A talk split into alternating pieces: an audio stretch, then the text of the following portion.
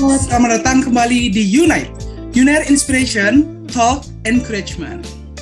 Nah, di episode kali ini akan ada saya Muara Pasha dan rekan saya Raffi Abi Mukti yang akan menemani bincang-bincang kita selama sekitar satu jam ke depan.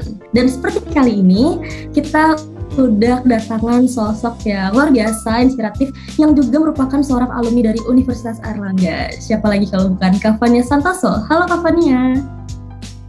Halo, hai, apa kabar semuanya? Halo, Baik Kak. Gimana nih kabarnya Kak Fania Santoso? Baik, semoga semuanya sehat-sehat juga ya. Amin. Oke, Kak Fania nih, kalau kita berbicara tentang Kak Fania ini kan uh, sangat menginspirasi sekali ya Kak. Mungkin teman-teman sini ingin tahu nih Kak tentang kesibukan dari Kak Fania saat ini apa aja sih Kak kira-kira? Ya, kalau saat ini Fanny sebagai co-founder dari Hey Startik, itu adalah sebuah inovasi sosial yang fokus mempromosikan gaya hidup ramah lingkungan lewat produk-produk inovasi daur ulang, jadiin produk fashion gitu.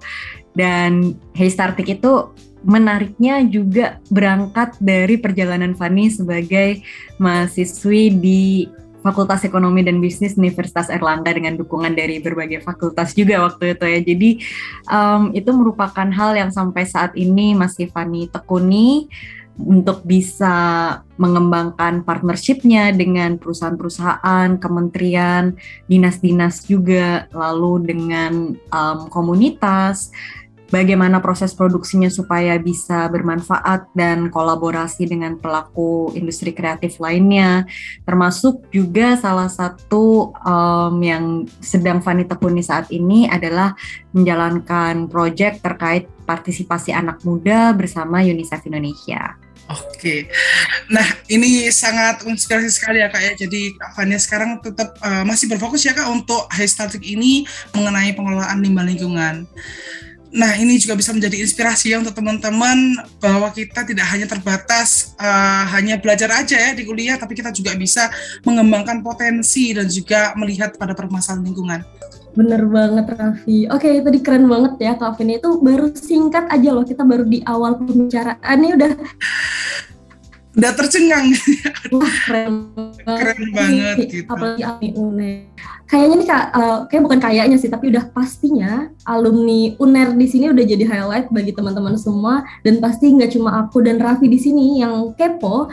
Uh, boleh dong Kak cerita-cerita sedikit tentang pengalaman masa lalu di kuliah sebagai mahasiswa Universitas. Pengalaman masa lalu ya. banyak sih ya yang um, berkesan gitu mulai dari um, dari zaman awal-awal masuk tahu yang namanya oh ada toh uh, kompetisi mahasiswa berprestasi itu yang jadi salah satu uh, titik balik dan awal mulanya juga um, Baby Startik ini bisa muncul gara-gara bikin karya tulis ilmiah buat uh, ikutan lomba itu. Terus juga dari segi um, Oh, satu yang berkesan juga adalah adanya English class di Fakultas Ekonomi dan Bisnis di jurusan manajemen itu um, seneng karena bisa dalam tanda kutip belajar juga untuk aktif bahasa Inggris gitu ya. Karena ya se gimana pun kita belajar dari teori kalau nggak dipraktekin juga sia-sia. Nah di sini di Universitas Erlangga difasilitasin gitu, jadi bisa benar-benar aktif lagi, nggak cuma nulisnya aja, tapi beneran ngomong presentasi pakai bahasa Inggris di English Class itu itu pengalaman yang berkesan banget sih karena Fani selama sekolah juga um, bahasa Inggris adalah salah satu mata pelajaran aja. Sementara di sini akhirnya bener-bener bisa jadi bahasa untuk um, di kehidupan sehari-hari. Terus juga proses um, untuk bisa berkolaborasi, kenal sama dosen-dosen dari lintas fakultas, termasuk juga dukungan dari Rektorat UNER, dari PIH, dari Direktorat Kemahasiswaan, uh, pendidikan, itu kayak bener-bener jadi support system yang luar biasa sih, karena Fani bisa tetap menjalankan perkuliahan uh, secara akademik sambil juga tetap aktif di kegiatan ekstrakurikuler gitu untuk mengikuti kompetisi ataukah uh, konferensi dan itu sangat didukung mekanismenya uh, di Universitas Erlangga ini. Jadi um, berkesan banget sih sebenarnya. bersyukur bisa jadi bagian dari Universitas Erlangga.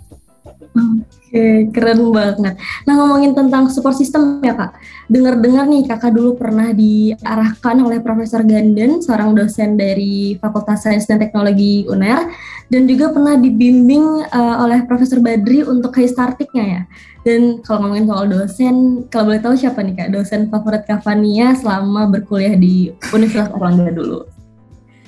Ini makin ini ya pertanyaannya makin spesifik ya. Tadi pengalaman sekarang dosen um, sama sih kalau aku bisa bilang tiap dosen punya momen berkesannya masing-masing. Ya pastinya tadi yang disebutin Prof. Ganden yang mendukung um, proses pembuatan karya tulis ilmiah Fani untuk dari segi researchnya untuk bisa menghasilkan um, apa namanya pelapis alami yang tidak merusak lingkungan gitu. Terus dari Prof Badri yang mengarahkan dari segi strategi marketingnya termasuk untuk skripsinya Fanny yang akhirnya sekarang jadi Start itu.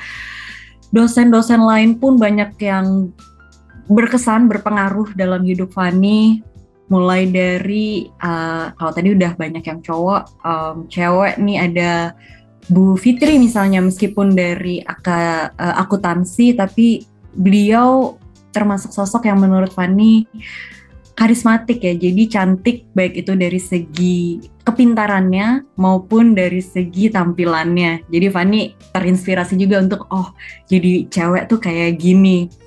Terus juga um, Pak Sony misalnya yang kreatif uh, di pemasaran sampai nulis buku. Semoga Fanny bisa mengikuti jejaknya, cie. Terus juga um, Pak Amak yang aktif di kegiatan internasional, um, ya kayak semua dosen punya kesannya masing-masing. Pak Hermawanto yang mengawal um, proses untuk Fani bisa ada di um, pemilihan mahasiswa berprestasi. Lalu juga, aduh banyak nih kalau disebutin satu-satu. Bu Leli yang ternyata tetangga Fani tapi juga into kewirausahaan. Jadi um, tiap dosen punya kesannya dan juga punya cara untuk mengajarkan hal bagi Fani juga sih. Misalnya kayak Pak Ganden yang biasanya mata kuliahnya cukup berat ya buat yang ngerti tentang statistik bisnis gitu. Itu kayak ruwet gitu tapi beliau punya caranya sendiri pembawaannya yang entertaining dengan um, keahliannya menyanyi juga itu kayak menimbulkan kesan-kesan oh iya jadi orang tuh um, materinya serius pun gimana caranya membawakannya bisa menarik gitu. Jadi tiap um, poin-poin itu akhirnya bisa bikin Fanny ngambil hikmahnya gitu. Nggak cuma dari segi pelajarannya aja tapi um, apa ya kayak life lessonnya gitu Wah, ini aku lihat banyak sekali ya dukungan dari dosen utamanya dalam kesuksesan saat ini Kak Fania hingga saat ini bisa mencapai titik di Hestatik yang sebesar ini. Nah, masih berhubung dengan dunia perkuliahan nih Kak Fania. Uh, mungkin ya kalau kita sebagai mahasiswa kan tidak hanya mungkin di dunia akademik saja, namun kita juga mengembangkan soft skill kita di dunia uh, organisasi. Nah, terkait dengan organisasi nih kak, waktu kak Fania kuliah di Universitas Erlangga waktu itu ya, uh, kak Fania kalau boleh tahu nih gabung organisasi atau UKM apa aja sih kak? Ya, jadi kalau terkait dengan UKM di intra kampus itu Fani gabung di UKM Kerohanian Kristen Protestan, di mana di situ seru ya. Jadi selain di akademisnya kita dapet, terus akhirnya secara spiritual juga nemu support system juga dari teman-teman lain dan bisa ya saling sharing gitu. Yang paling funny seneng dari UKM kerohanian itu adalah gimana kita bisa saling terbuka satu sama lain dengan cerita-cerita perjuangannya masing-masing dan juga gimana bisa melewati tantangan yang ada. Lalu juga um, Fani gabung di UKM terkait jurnalistik yang ada di Fakultas Ekonomi dan Bisnis, di mana di situ banyak belajar tentang berpikir kritis ya untuk gimana sih kita bisa menampilkan sesuatu itu gak cuma dalam bentuk laporan aja, tapi menyajikan dari sudut pandang pembaca apa nih yang um, menarik perhatian mereka Jadi dari situ juga um, banyak belajar sih akhirnya dari keterlibatan Fani di UKM tersebut. Oke, keren banget nih. Benar-benar uh, definisi seorang mahasiswa yang aktif ya kak ya dulu. Amin. Oke, okay, tadi kalau ngomongin momen-momen selama kuliah, tadi Kak Fani udah sempat uh, menyinggung terkait uh, support system dulu pas kuliah, terus juga gimana sih lingkungan sekitar Kavania yang benar-benar membawa Kavania sampai titik sekarang dan juga berarti kan emang hampir semua bisa dibilang ya cukup berkesan lah ya kak untuk uh, karir Cavania hingga saat ini. Nah kalau boleh tahu, itu kan tadi kita ngomongin sukanya ya kak ya. Uh, mungkin dulu strugglingnya Cavania apa sih struggle Cavania yang kakak hadapi? Wah yang Cavania berasa wah struggling banget nih di sini gitu. Strugglingnya di masa perkuliahan mungkin lebih ke terkait penyesuaian jadwal ya dalam artian kan jadwal akademis itu udah jelas ya termasuk untuk ujian-ujiannya terus ada momen-momen di mana ada conflicted schedule atau jadwal yang bertabrakan gitu ya jadi akhirnya di situ benar-benar harus apa ya istilahnya nggak mungkin meninggalkan pendidikan juga karena emang kewajiban mahasiswa ya utamanya di pendidikannya itu sendiri gitu kan. Jadi dari situ cukup struggling untuk misalnya bahkan di kala Fanny ikut kegiatan ekstrakurikuler pun ada kegiatan di luar kampus, Fanny tetap bawa buku catatan buat sambil belajar, ngulang-ngulang gitu. Dan berusaha selama di kelas juga selalu nyatet supaya apa ya itu kayak lebih ngebantu gitu loh ketika belajar ulang dari catatan sendiri dibanding baca buku paket yang uh, cukup besar gitu ya cukup banyak atau materi presentasi dosennya gitu. Jadi ketika nulis sendiri itu kan juga secara nggak langsung terproses juga di pikiran kita. Itu um, dan termasuk kalau pas Fanny izin nggak bisa ikut perkuliahan akhirnya nggak punya catatan sendiri jadi harus berusaha me merangkum dari apa yang ada di materi presentasi atau catatan temen. Jadi Fanny harus memproses uh, dua kali lipat gitu kerjanya.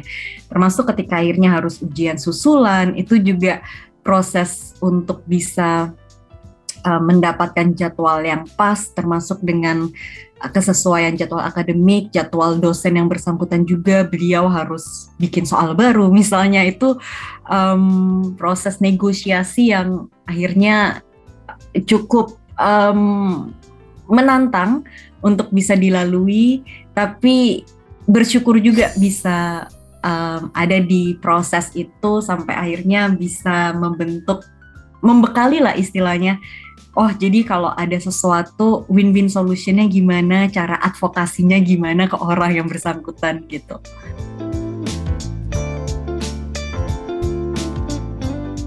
Oke, terima kasih Kak Fania. Jadi uh, memang ya, uh, memang definisi bersakit-sakit dahulu, bersenang-senang kemudian gitu Kak ya.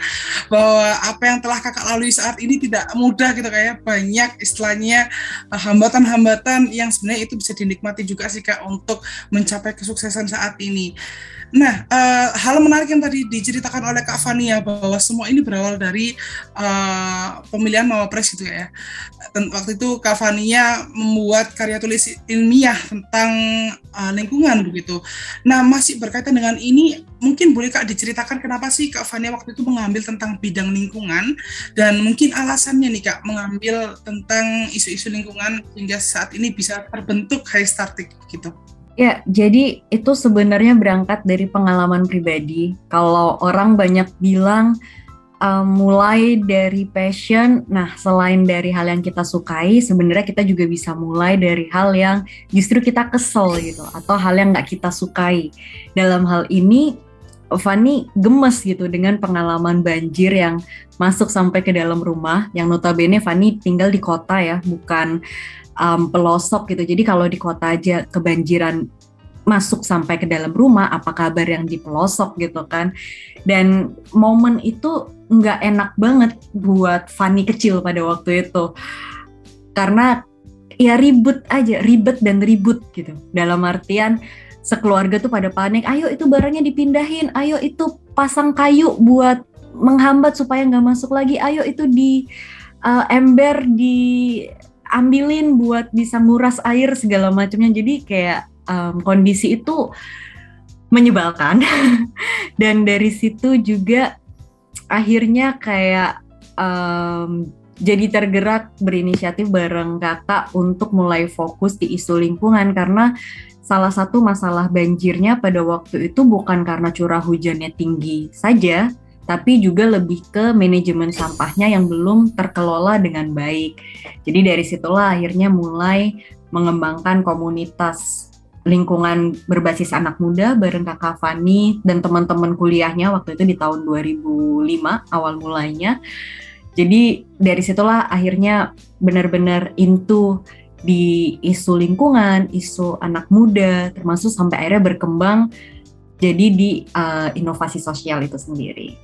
Oke, luar biasa ya ternyata uh, uh, lika-liku atau dan juga jalan dari uh, penyebab akhirnya Kak Fania terjun di bidang lingkungan adalah karena personal experience juga ya Kak ternyata masalah banjir khususnya. Oke, tadi kita udah ngomongin banyak ya Raf ya, kita udah ngomongin tentang ya. Kak Fania ini dulu kuliahnya, terus juga gimana akhirnya uh, yang membawanya sampai di titik karirnya sekarang, yang akhirnya kita bisa menyimpulkan bahwa Kak Fania ini aktif secara atau aktif di aspek akademis iya, aktif di aspek non akademis iya. Dan aku punya satu fakta menarik lagi nih dari seorang Fania Santoso yang ternyata Kak Fania ini masuk ke deretan Forbes 30 Under 30. Oke, okay, dan oke, okay, aku mau tanya nih Kak, gimana sih Kak saya dan apa makna Forbes 30 Under 30 untuk Kak Fania sendiri?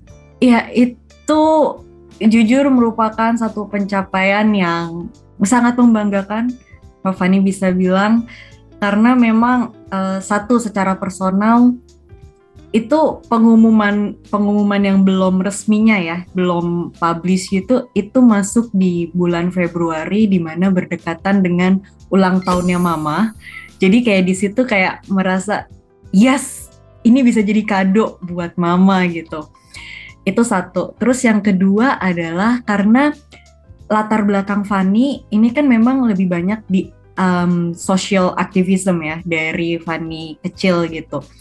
Jadi ketika bisa um, diapresiasi, diberikan um, penghargaan dari Forbes Indonesia, ini merupakan suatu hal yang oh oke, okay, jadi apa yang um, dikembangkan di Hey Startik ini diakui secara dari segi bisnis karena mereka kan memang um, sudut pandangnya juga dari segi bisnisnya sendiri ya meskipun memang Fanny di kategori terkait social entrepreneurship tapi pencapaian ini merupakan bukti bahwa ya sebenarnya yang namanya usaha itu bisa loh berjalan berkelanjutan baik itu dari segi uh, people prosperity maupun planet. Jadi nggak cuma mikirin apa yang menguntungkan diri sendiri aja atau profitnya aja, tapi benar-benar lebih mempromosikan lagi bahwa usaha sosial that works gitu. Luar biasa banget ya Raf, aduh merinding gak sih? Menjadi hadiah terbaik gitu ya. Oke, kita udah kasih apa nih ke orang tua kita? nah, ini salah satu bentuk apa ya kayak mungkin juga sebagai doa orang tua ya kayak Kak Fania bisa sampai ke titik Forbes 30 under 30 gitu. Oke, okay, uh, tadi kan Kak Fania juga sempat ngomong tentang bentuk cinta lingkungan ya Kak ya dari kecil gitu ya tentang bagaimana Kak uh, Fania peduli terhadap lingkungan. Nah, menurut Kak Fania nih masih tentang high juga sih kak. Uh, apa sih kak bentuk cinta lingkungan yang sudah dilakukan oleh uh, high selama ini yang telah kak Fania lakukan bersama high untuk menunjukkan bahwa high dan kak Fania ini cinta terhadap lingkungan gitu. Ya, jadi di high static ini kita punya tiga komponen atau tiga pilar utama ya dari aktivitas yang dilakuin. Yang pertama adalah terkait sustainable fashion itu sendiri. Jadi ingin menunjukkan bahwa yang namanya fashion itu bisa berkelanjutan, bisa dari bahan-bahan yang ramah lingkungan dan sebaliknya yang namanya produk daur ulang itu ternyata bisa tampil keren, bisa trendy juga. Jadi orang bangga pakai produk-produk dari hasil daur ulang yang sudah dikemas sedemikian rupa untuk sesuai dengan target marketnya masing-masing. Lalu yang kedua adalah terkait arts in education. Jadi di situ lebih ke bagaimana Hey Startik bisa pay it forward dalam artian sharing knowledge, sharing experience juga untuk mensosialisasikan pentingnya manajemen sampah seperti apa. Lalu kalau berbicara tentang kewirausahaan, bagaimana yang bisa berdampak. Jadi nggak cuma dari segi profitnya itu tadi lagi, lalu um, tips and tricksnya dari segi daur ulang itu sendiri seperti apa yang sifatnya bisa sesuai target marketnya. Dan yang komponen atau pilar ketiganya adalah terkait circular economy. Jadi di sini Haystartic berkolaborasi juga nih dengan perusahaan-perusahaan untuk bisa mengumpulkan sampah kemasan yang sudah dari produk-produk mereka yang dipakai oleh konsumen untuk akhirnya bisa di uh, balik lagi ke perusahaan tersebut dikelola oleh Haystartic dan akhirnya kembali menjadi produk atau um, jasa yang bermanfaat buat perusahaan yang bersangkutan. Karena yang menjadi kunci dari circular economy adalah bagaimana ketika dari um, proses produksi terus nyampe ke konsumen nah sampahnya itu nggak langsung dibuang ke TPA gitu aja tapi bisa balik lagi untuk suatu hal yang bermanfaat nah itu adalah salah satu key activity juga yang dicoba dilakukan di Haystartic supaya akhirnya kita bisa benar-benar meminimalisir tambahan tumpukan sampah yang ada. Makanya di Startik pun kita juga fokusnya adalah mengolah sampah-sampah kemasan secara spesifik. Karena kayak sampah plastik misalnya, itu kan sebenarnya masih bisa upaya mengurangi sampahnya itu sendiri dengan kita pakai pengganti seperti kantong belanja sendiri kayak gitu. Oke, luar biasa keren banget ya Raffi dari tadi ya. aku masih bener-bener kayak wah wah wah mulu nih ya. dari tadi nggak berhenti ngomong wah oke okay. Gak cuma ini ya kak ya, uh, gak cuma tentang cinta lingkungan aja, tapi uh, bentuk kecintaan itu sudah terstruktur gitu ya dalam beberapa poin oh. kegiatan penting.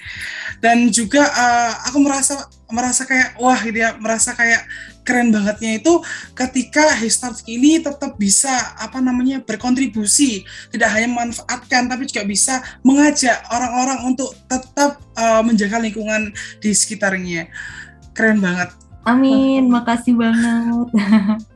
Lalu kita juga bisa terinspirasi ya karena kalau udah ngomongin lingkungan yang dilakukan sama Kavani dan Hestatik kan juga merupakan suatu hal yang mulia ya. Jadi semoga ini bisa sebagai jadi pemantik buat teman-teman kabula muda uh, untuk bisa mulai aware sama lingkungan di sekitar kita, terus juga lebih aware terkait pembuangan sampah dan apa apa aja sih yang bisa berpengaruh dari limbah yang kita buang. Oke, okay, nah. Uh, kalau tadi Kavannya udah sempat menyinggung terkait tiga pilar yang dijunjung sama uh, Haystartic ya, ada sustainable fashion, ada arts in education, terus juga ada circular economy. Yang mana kita tahu uh, bisa lihat kayak uh, Haystartic ini sudah cukup sering ya untuk melakukan workshop ya kak ya? Ya betul betul. Oke. Okay. Tentunya Dari dengan penyesuaian di masa pandemi ini. Iya bener banget ya. Dan berarti kalau dari itu ada perubahan yang cukup signifikan nggak sih kak untuk Haysartik sendiri selama pandemi? Khususnya selama pandemi ini emang banyak uh, adaptasi ya dari yang dulunya workshop itu cukup memakan waktu karena memang harus um, perjalanan flight maupun darat gitu ya untuk ke lokasi tempat kita pelatihan kali ini semuanya secara online. Positifnya adalah um, kita bisa mengurangi jejak karbon karena jejak karbon untuk traveling itu sendiri cukup banyak. Kita juga bisa lebih efisien waktu, tapi memang tetap ada um, negatifnya yang kami juga masih mencari cara nih gimana supaya proses mentoring atau proses pelatihan itu bisa tetap intensif gitu walaupun secara online. Karena kan um, untuk praktek itu gimana pun juga kehadiran fisik itu lebih berasa gitu ya. Lebih lebih bisa ngapa-ngapain lebih bisa tanyanya luas gitu. Jadi itu yang salah satu tantangan yang masih cari cara juga nih gimana ya supaya bisa mengakomodir keperluan di daerah-daerah lain khususnya. Lalu juga dari segi produk ya kalau aku bisa bilang banyak sekali pengembangannya yang dari awalnya dulu Haystartic banyak uh, supply untuk goodie bags acara seminar, untuk um, souvenir wedding misalnya. Nah, saat ini dengan adanya pembatasan, otomatis membuat um, pesanan dalam jumlah banyak ini berkurang drastis juga. Jadi dari situ coba cari celah lagi. Oh, bisa nih istilahnya downgrade inovasinya. Jadi Fani percaya bahwa yang namanya inovasi itu yang dikejar adalah solutifnya gitu kan, tepat sasaran. Pun kalau misalnya itu berarti kita perlu downgrade, ya why not? Dalam artian kalau dulu di Haystartic kita fokus banget nih nunjukin oke okay, produk daur ulang fashionable keren gitu. Nah sekarang semua orang harus di rumah aja. Yang mau pakai tas fashion keren ngapain ke mana gitu kan. Jadi dari situ kita coba um, telaah lagi, oh keunggulannya Haystartic adalah di bahan baku yang cukup terjangkau dari barang bekas juga dan kemampuan kita untuk mengolah itu. Jadi akhirnya dibandingin fokus bikin produk-produk fashionable yang high end gitu, downgrade lah akhirnya menjadi ya udah yuk bikin tas guna ulang semurah mungkin ongkosnya, tapi yang penting bisa dipakai berulang kali sebagai penggantinya kantong donasi atau uh, kantong plastik. Karena misalnya di Surabaya ini sendiri juga baru saja disahkan peraturan wali kota 16 tahun 2022 tentang pelarangan kantong plastik. Jadi harapannya tas tas-tas belanja yang disiapkan oleh tim Haystartic ini juga bisa mendukung penyuksesan program tersebut. Jadi itu sih lebih ke gimana kita bisa mencoba adaptasi, berinovasi juga sesolutif mungkin mengikuti perkembangan yang ada. Oke, okay. dari beragam workshop yang udah pernah dilaksanakan oleh Sartik ini, uh, workshop apa yang paling berkesan buat Kavania? Hmm, pertanyaan paling berkesan ini, uh, ya itu sih sebenarnya tiap workshop selalu ada jawaban Fanny tetap sama ya kayak by template gitu.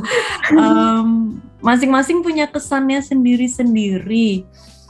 Um, kayak misalnya ada satu workshop di mana di situ yang memfasilitasi adalah pionir yang merupakan bagian dari Mitra Haystartic gitu. Jadi itu adalah momen yang berharga ya ketika akhirnya apa yang kita bagikan itu bisa benar-benar diteruskan dalam artian proses regenerasinya berjalan baik gitu.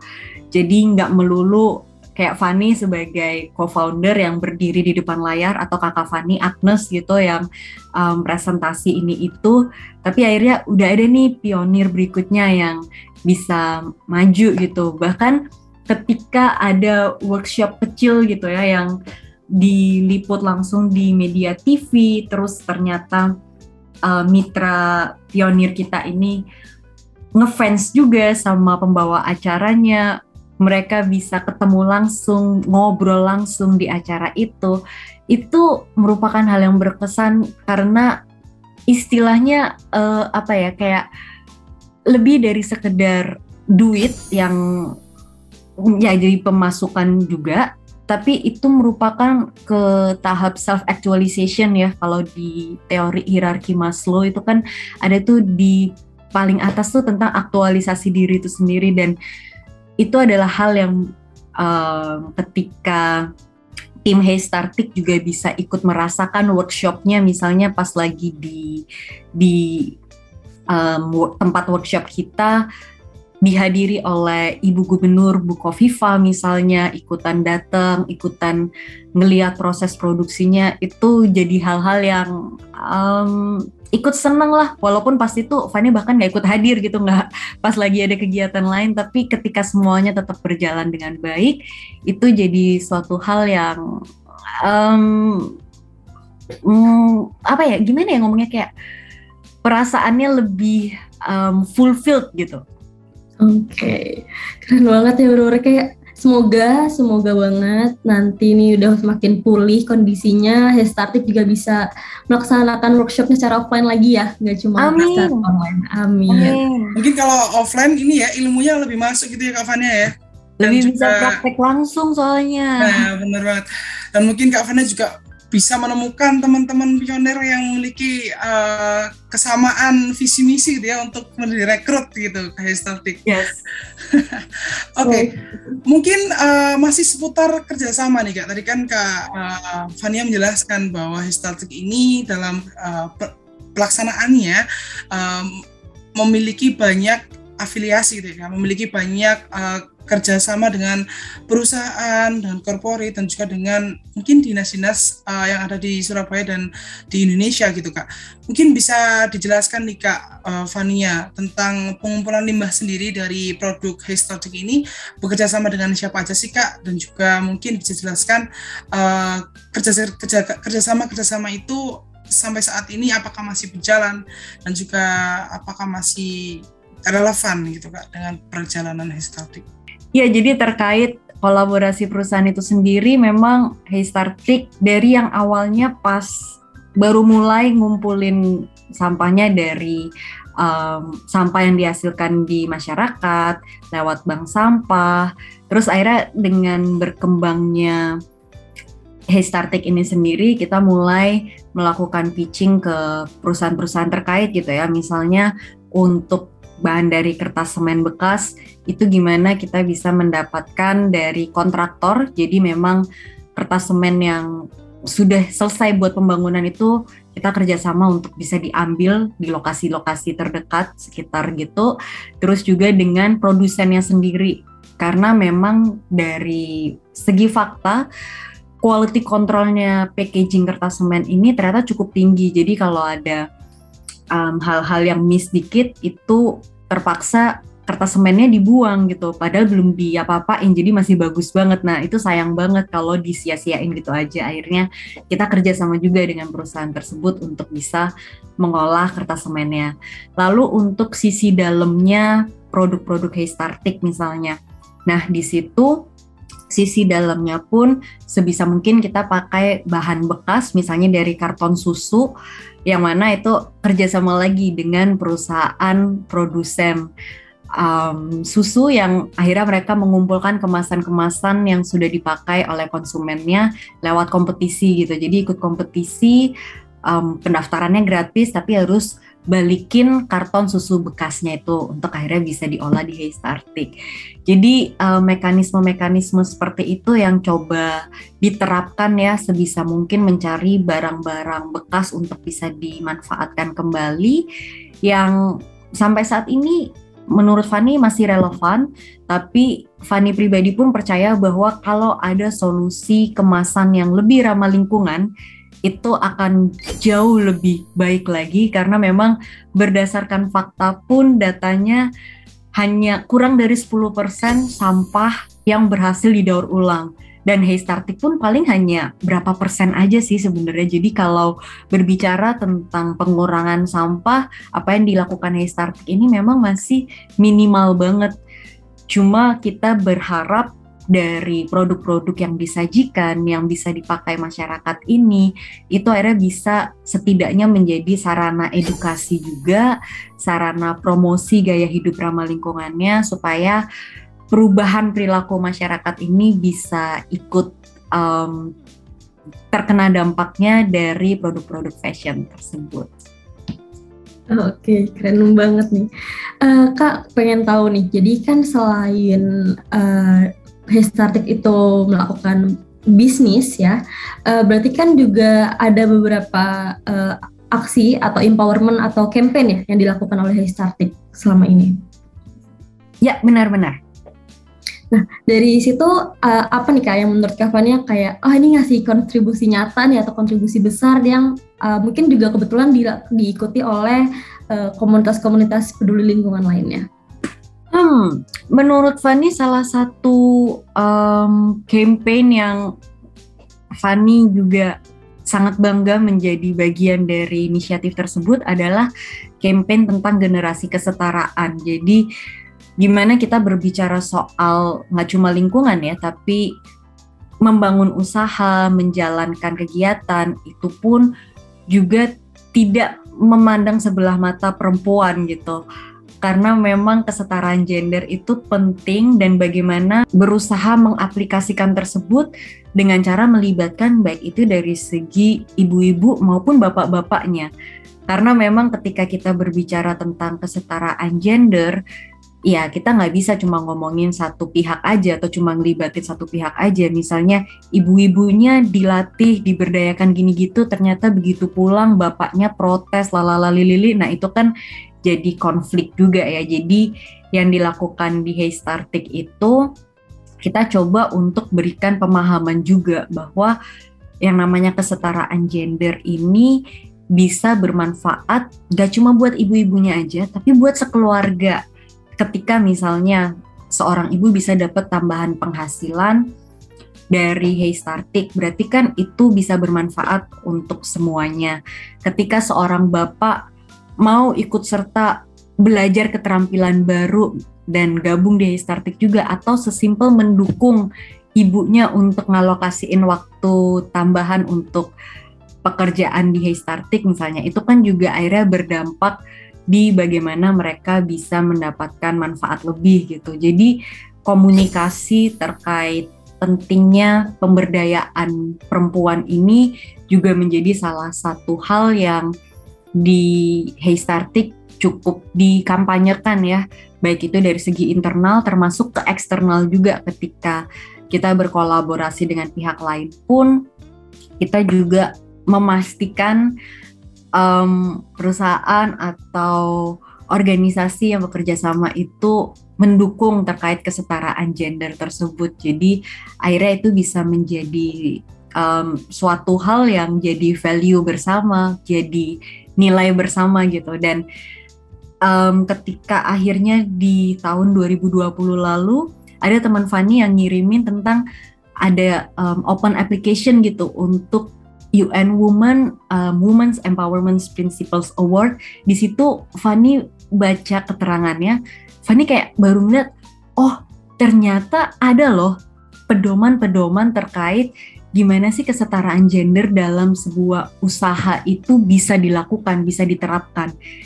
Yang mana Fani sebelumnya nggak pernah tahu gitu bahwa ada pedoman-pedoman tersebut itu pedoman sudah ada sejak bertahun-tahun lamanya gitu. Jadi itu adalah momen yang um, eye opening juga dari situ Fanny coba untuk apply dan puji Tuhan bisa dapat apresiasi sampai menjadi runner up di tingkat Asia Pasifik dan dari situ akhirnya makin termotivasi gitu. Kalau dulunya awalnya cuma bikin campaign-campaign yang ya udah yuk kita bikin ini begini begitu, terus gara-gara ada pedoman tersebut akhirnya bisa mulai distrukturkan juga. Kalau tadi Raffi sempat bilang, "Oh, isu-isu lingkungannya dibuat secara terstruktur." Nah, sekarang um, PR-nya Fanny juga di Hey Startik adalah gimana nih isu-isu kesetaraan gender yang um, menggawangi Hey Startik ini juga bisa secara terstruktur dikelola juga nih dan dievaluasi secara berkala.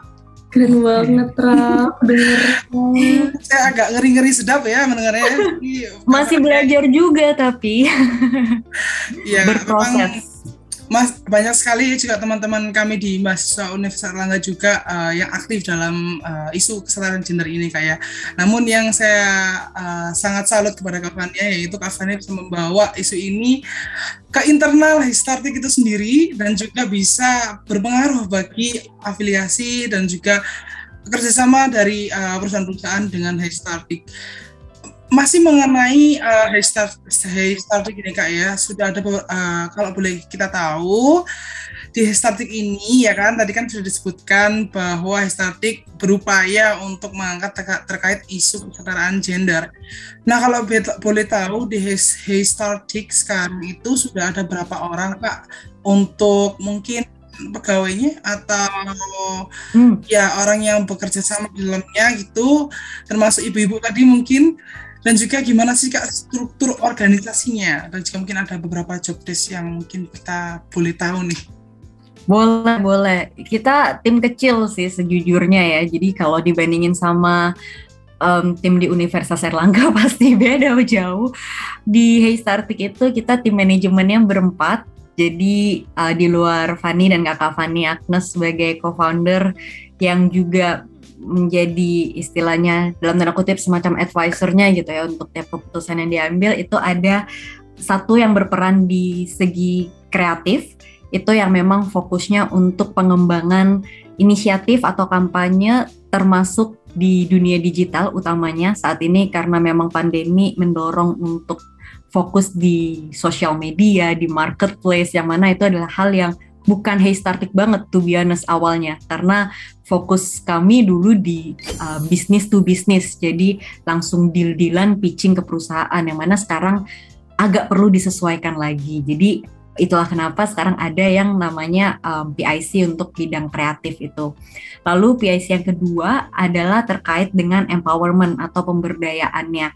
Karena di Hey Startik ini kan memang itu tadi ya kita banyak fokusnya di pemberdayaan masyarakat terutama perempuan dan juga anak muda. Jadi ada satu PIC khusus yang menangani untuk program pemberdayaannya. Lalu yang ketiga adalah pelatihan yang mana pelatihan ini sifatnya lebih ke eksternal. Jadi kalau pemberdayaan ini ke internal, ke mitra-mitra um, ataupun pionir-pionir yang jadi bagian dari tim Hey Startik. Kalau yang um, PIC pelatihan ini yang sifatnya untuk eksternal.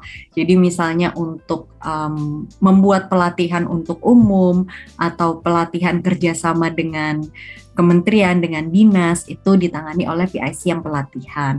Dan yang keempat yang tentunya penting adalah bidang finansial atau keuangannya terus untuk memastikan bahwa um, poin 1 2 3 bisa dilakukan dengan baik dan benar. Jadi um, itu tim inti dari tim manajemennya Hey Startik di empat poin tersebut. Lalu untuk saat ini kita ada 11 pionir yang tersebar di Jawa Timur. Sebenarnya sudah ada um, tambahan calon pionir berikutnya yang ada di Jawa Barat juga. Cuma memang karena kondisi COVID-19 jadi pelatihannya sempat terputus. Belum sampai yang pelatihan final banget nih yang untuk quality control yang intensifnya itu. Jadi untuk saat ini um, ya itu sifatnya masih lebih ke kemitraan sih jadinya. Karena memang masih butuh waktu untuk pengemasan supaya bisa oke okay, fix nih udah jadi dalam tanda kutip jadi masternya nih jadi pionir ya jadi untuk saat ini fokusnya di 11 pionir tersebut dengan mitra-mitra pengrajin lain yang ada. Oke, luar biasa banget. Nah, kalau dipikir ya dari rasa kesel dalam menghadapi banjir yang merupakan ya personal experience juga bisa merambat ke uh, aktivitas-aktivitas dan campaign lingkungan dan juga luar biasanya lagi bisa ngasih uh, apa ya kontribusi terkait uh, isu kesetaraan gender. Uh, pokoknya semangat terus ya buat Kavania. Oke, okay, ada lagi nih Kak kita ngomongin Hey oh, iya kita ngomongin tentang produknya. Jadi dari tadi kita cuma tahu oh produknya ini tuh dari uh, merupakan suatu uh, daur ulang ya dari limbah. Uh, dan ternyata kalau teman-teman lihat di Instagramnya Startik itu cukup beragam ya, ada produk-produk, ada uh, beragam fashion item, ada kayak tas, ada gantungan kunci, ada dompet dan lain-lainnya. Dan ada satu hal yang menarik dan muncul pertanyaan dari aku inspirasi desain. Karena aku ada melihat uh, tas yang itu dari limbah uh, kartonnya kantongnya semen gesik ya kak ya iya benar-benar itu gimana nih kak? Ceritain dong inspirasi-inspirasi dari desain produknya Hestartik inspirasinya jujur karena Fanny nggak punya background pendidikan di desain gitu ya. Ya cuma seneng aja ngeliatin hal-hal yang artistik itu jadi sebenarnya banyak brainstorming juga dengan para warga dengan um, para mitra para pioneers yang ada termasuk tim di Hey Startik itu dan di situ um, apa ya istilahnya kita banyak learning by doing banyak eksperimen termasuk yang gagal juga gitu jadi salah satunya kalau yang um, kertas semen itu pun pernah gitu ya ada kesempatan untuk taruh barang di cafe yang ada di Kemang di Jakarta yang mana itu yang banyak yang datang itu para bule-bule. Jadi ketika Fanny bikin yang udah nggak kelihatan kalau itu dari kertas semen yang tadi Maura bilang itu Fanny kira bakal laku, ternyata sama sekali nggak ada penjualan gitu. Tapi begitu coba Fanny ganti, ditunjukin yang ada tulisan teks-teksnya gitu, neto 40 kg, ada um, komposisi bahan-bahan segala macam. Nah itu baru penjualannya kenceng banget. Nah jadi itu kayak um, kembali lagi sih banyak belajar aja sebenarnya berani mencoba karena apa yang ada di bayangan kita itu belum tentu sepenuhnya kejadian seperti ekspektasi kita gitu. Jadi ya perencanaan penting, perencanaan sangat penting, tapi yang nggak kalah pentingnya adalah coba diimplementasiin gitu. Bahkan perjalanan untuk Hey Startik ngembangin um, produk daur ulangnya ini sendiri pun juga berprosesnya um, salah satunya bareng Universitas Erlangga yang tadi disebutin ada Prof Ganden terlibat itu pun jadi awal mulanya dulu kan kalau kertas semen nih ya itu kita olah ya namanya kertas kalau kena air kan masih bermasalah ya. Jadi harus ada pelapisnya lagi supaya bisa daya tahannya kuat apalagi untuk produk fashion produk tas gitu kan harapannya bisa membawa um, barang dengan aman gitu. Nah pelapisnya dulu ternyata tidak ramah lingkungan. Jadi itu adalah satu fakta yang mencengangkan, yang mana Prof Ganden lah yang akhirnya memberitahu, oh bisa loh kita pakai getah tanaman untuk pelapis. Nah dari situlah akhirnya tercerahkan, eksperimennya berlanjut lagi, pengembangannya berlanjut lagi. Cuma memang kita perlu ngelakuin baby steps itu aja sih, berani mulai sambil berani untuk merombak juga kalau ada hal-hal yang kurang sesuai atau kurang tepat atau ya perlu perbaikan gitu. Oke, jujur aku impress banget pas nge-scroll itu kayak kan dari sekilas mungkin kelihatannya kayak kalau kan warnanya coklat ya kayak. Ya. Jadi kayak hmm. sekilas tuh oke okay, nih kulit ya. Tapi pas yeah, yeah. Iya. oh, ada tulisannya nih, ada tulisannya semen gitu. Semen ya. Jadi cukup wah keren banget nih nggak cuma uh, pure ngambil dari daur ulang aja untuk uh, bahan-bahannya tapi ternyata menunjukkan nih bahwa produk Hey Startic itu memang limbah gitu ya. Nggak bukannya disembunyikan ya kayak ya? limbah ini tapi justru ditonjolkan sebagai ya, lain karena justru, nyata. Betul itu poin plusnya ternyata. Karena ya benar itu tadi kayak orang lihat oh ya udah ini produk kulit pada umumnya. Walaupun ada juga ya yang suka produk-produk yang ya udah kelihatan kayak kulit aja tapi harganya nggak semahal kulit misalnya hmm. kan kan poin plusnya di situ juga tapi uh, mayoritas justru lebih suka kayak yang ya ini aku unik gitu gara-gara pakai produk yang dari bahan bekas tapi tetap keren gitu. Benar. Kalau untuk bestsellernya di Hey Started sendiri uh, produk yang mana ya kak? Bestsellernya mayoritas adalah di goodie bag atau tote bag gitu ya karena emang sesimpel itu produknya tapi sebermanfaat itu untuk cowok cewek bisa pakai. Terus juga clutch karena emang simple handy gitu ya. Dan yang gak kalah penting juga uh, ada si Eco Bricks itu juga. Jadi yang kursi-kursi um, atau meja yang tersusun dari botol-botol air mineral bekas yang diisi dengan kemasan-kemasan sampah plastik gitu ya. Jadi itu akhirnya bisa dimanfaatkan ulang nggak cuma fungsinya yang oke okay, tapi tampilannya tuh juga artistik gitu. Jadi the power of instagramable content gitu jadinya. Estetik ya kak? Iya estetik ya. Buat teman-teman yang mungkin tertarik nih ya bisa langsung cek instagramnya Startik at Startik ya kak ya? Betul. Ya, di sana bakal banyak uh, dilihatkan nih berbagai macam produk daur ulang yang secara kasat secara kasat mata tuh kayak oh oke okay, uh, eh, kulit oke okay, ini uh, tas-tas pada umumnya yang mungkin bahan-bahannya kayak kita biasa lihat di toko tapi begitu mungkin dilihat benar-benar kayak oke okay, di situ kalian bisa ngelihat nilai yang jauh lebih luar biasa nih dibanding uh, apa yang dijual di toko di etalase toko Nah benar banget Kak Rara. Jadi kalau aku lihat juga uh, karena itu motif dari karung semen ya. Jadi setiap produk memiliki keunikannya masing-masing gitu. Betul. Entah produk ini motifnya seperti ini, motif, uh, produk itu motifnya seperti itu gitu. Nah uh, Kak Fania, masih tentang fashion nih Kak. Kalau dari Kak Fania secara pribadi, untuk fashion favorit item dari Startic ini yang mana sih Kak? Kalau dari Kak Fania sendiri yang paling disukai gitu kayak, aku pengen nih pakai ini gitu. Yang paling aku sukai um, sama sih sebenarnya dengan bestseller tadi ya tote bagnya sama clutchnya karena emang di keseharian juga aku selalu bawa itu um, tote bagnya cukup besar jadi botol minum aku yang nggak kalah besar sekitar satu setengah liter apa ya itu isinya itu bisa selalu bawa uh, nemenin perjalanan aku terus juga si clutchnya itu cukup banyak kompartemennya gitu ya karena aku anaknya cukup banyak perintilan terutama sekarang gara-gara pandemi ada kartu vaksin juga gitu kan terus ada hand sanitizer ada tisu perlengkapannya makin banyak yang perlu masuk di dalam satu satu um, dompet gitu. Jadi um, dua itu sih yang aku emang paling sering pakai selalu pakai tepatnya kalau misalnya lagi bepergian keluar dan ya bangga gitu bisa pakai produk sendiri. Oke, ini menunjukkan bahwa selain bagus, unik, bahannya juga berkualitas Karara.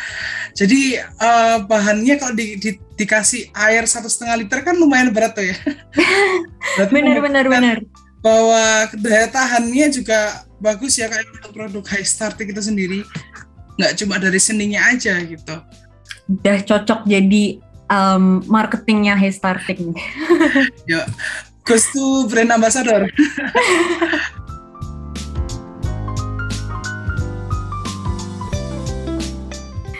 Oke keren banget kita udah ngobrol-ngobrol dari uh, dulu selama di Universitas Erlangga, terus juga jejak karirnya sampai di titik sekarang bersama Hestartik. Uh, sekali lagi kami ucapkan terima kasih ya kak. Uh, mungkin dari Kavania sendiri ada uh, testimoni atau mungkin kakak punya satu dua kata untuk teman-teman yang mendengarkan. Oke, okay. hmm, um, buat teman-teman yang khususnya di masa-masa sebagai mahasiswa, menurut Fani manfaatin momentum ini karena Fani banyak bisa berkegiatan eksplorasi diri juga untuk tahu apa yang Fani mau lanjutin setelah kuliah juga ya di masa-masa selagi kuliah ini gitu kan berani coba baik itu kegiatan keorganisasian, um, berteman dengan grup ini itu yang berbeda-beda, terus juga ikut lomba, ikut uh, konferensi, nggak cuma buat ngejar panjang-panjangin CV atau nambahin poin SKP buat kelulusan aja gitu ya, tapi benar-benar untuk refleksi, untuk kita mengenali diri lebih lagi. Karena kalau kita udah cobain, itu kan jadi punya gitu ya pengalamannya dan kita jadi bisa tahu nih apakah ini yang sesuai, apakah ini yang mau aku sasar lebih dalam lagi nantinya atau mungkin masih perlu mencoba yang lain lagi. Jadi jangan menutup diri, coba buka diri, kembangkan dan eksplorasi kesempatan yang ada, terutama buat yang di Universitas Erlangga pun sangat difasilitasi baik itu dari segi mentoring, dari segi pendanaan juga waktu itu dan dari segi um, fasilitasi untuk kita bisa aktif berkegiatan di luar kampus pun sangat didukung. Jadi mumpung mahasiswa, yuk dimanfaatin kesempatannya. Oke, mumpung jadi mahasiswa, cari kesempatan sebanyak-banyaknya. Terima kasih Kak Fania atas pesan yang diberikan oleh teman-teman hebat semuanya.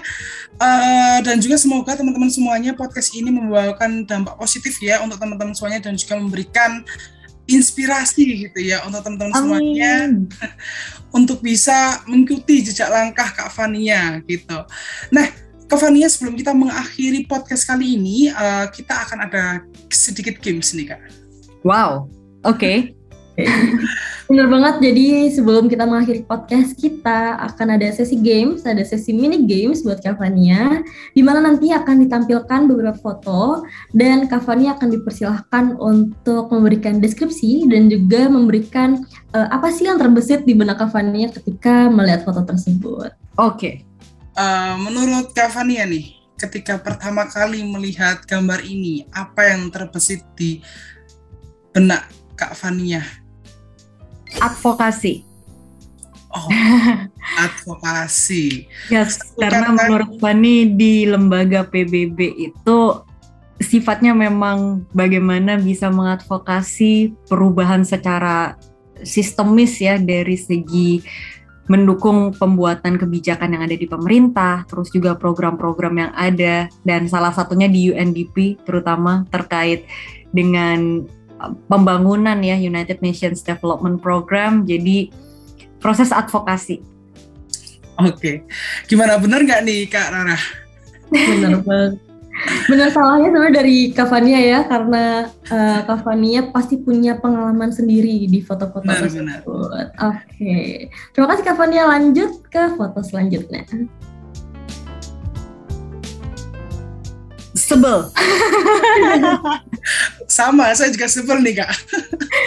sebel. Soalnya um, Iya itu uh, kondisi yang memang ya realita gitu ya untuk saat ini masalah sampah um, sampai di sungai yang mana itu bisa jadi juga menjadi uh, sumber air untuk masyarakat untuk aktivitasnya mereka.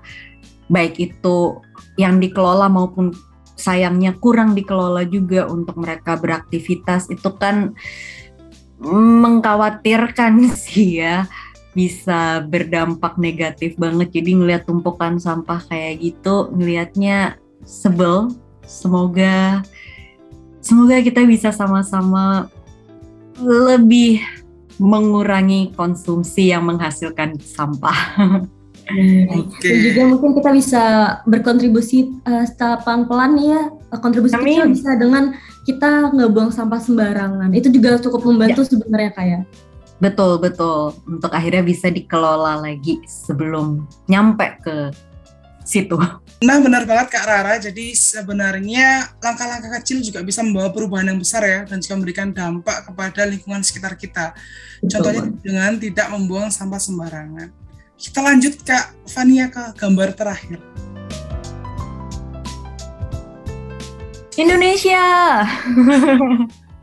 Kampung halaman um, tempat tinggal dan juga ya um, identitas sih kalau Fani bisa bilang karena emang um, lahir besar di Indonesia dan setiap berkesempatan keluar negeri pun tetap berasa kangennya sama Indonesia. Walaupun dengan segala apa ya um, ups and downs kondisi situasi yang ada di Indonesia ini tapi nggak kekurangan orang-orang baik kok sebenarnya di Indonesia cuma butuh lebih banyak aja oke Nah, betul banget Kak Fania. Jadi kalau kalian tidak menemukan orang baik, maka jadilah orang baik. Gitu betul ya Kak? Betul banget Raffi. Oke, itu quote untuk hari ini juga ya, termasuk ya? Oke, masuk, masuk boleh.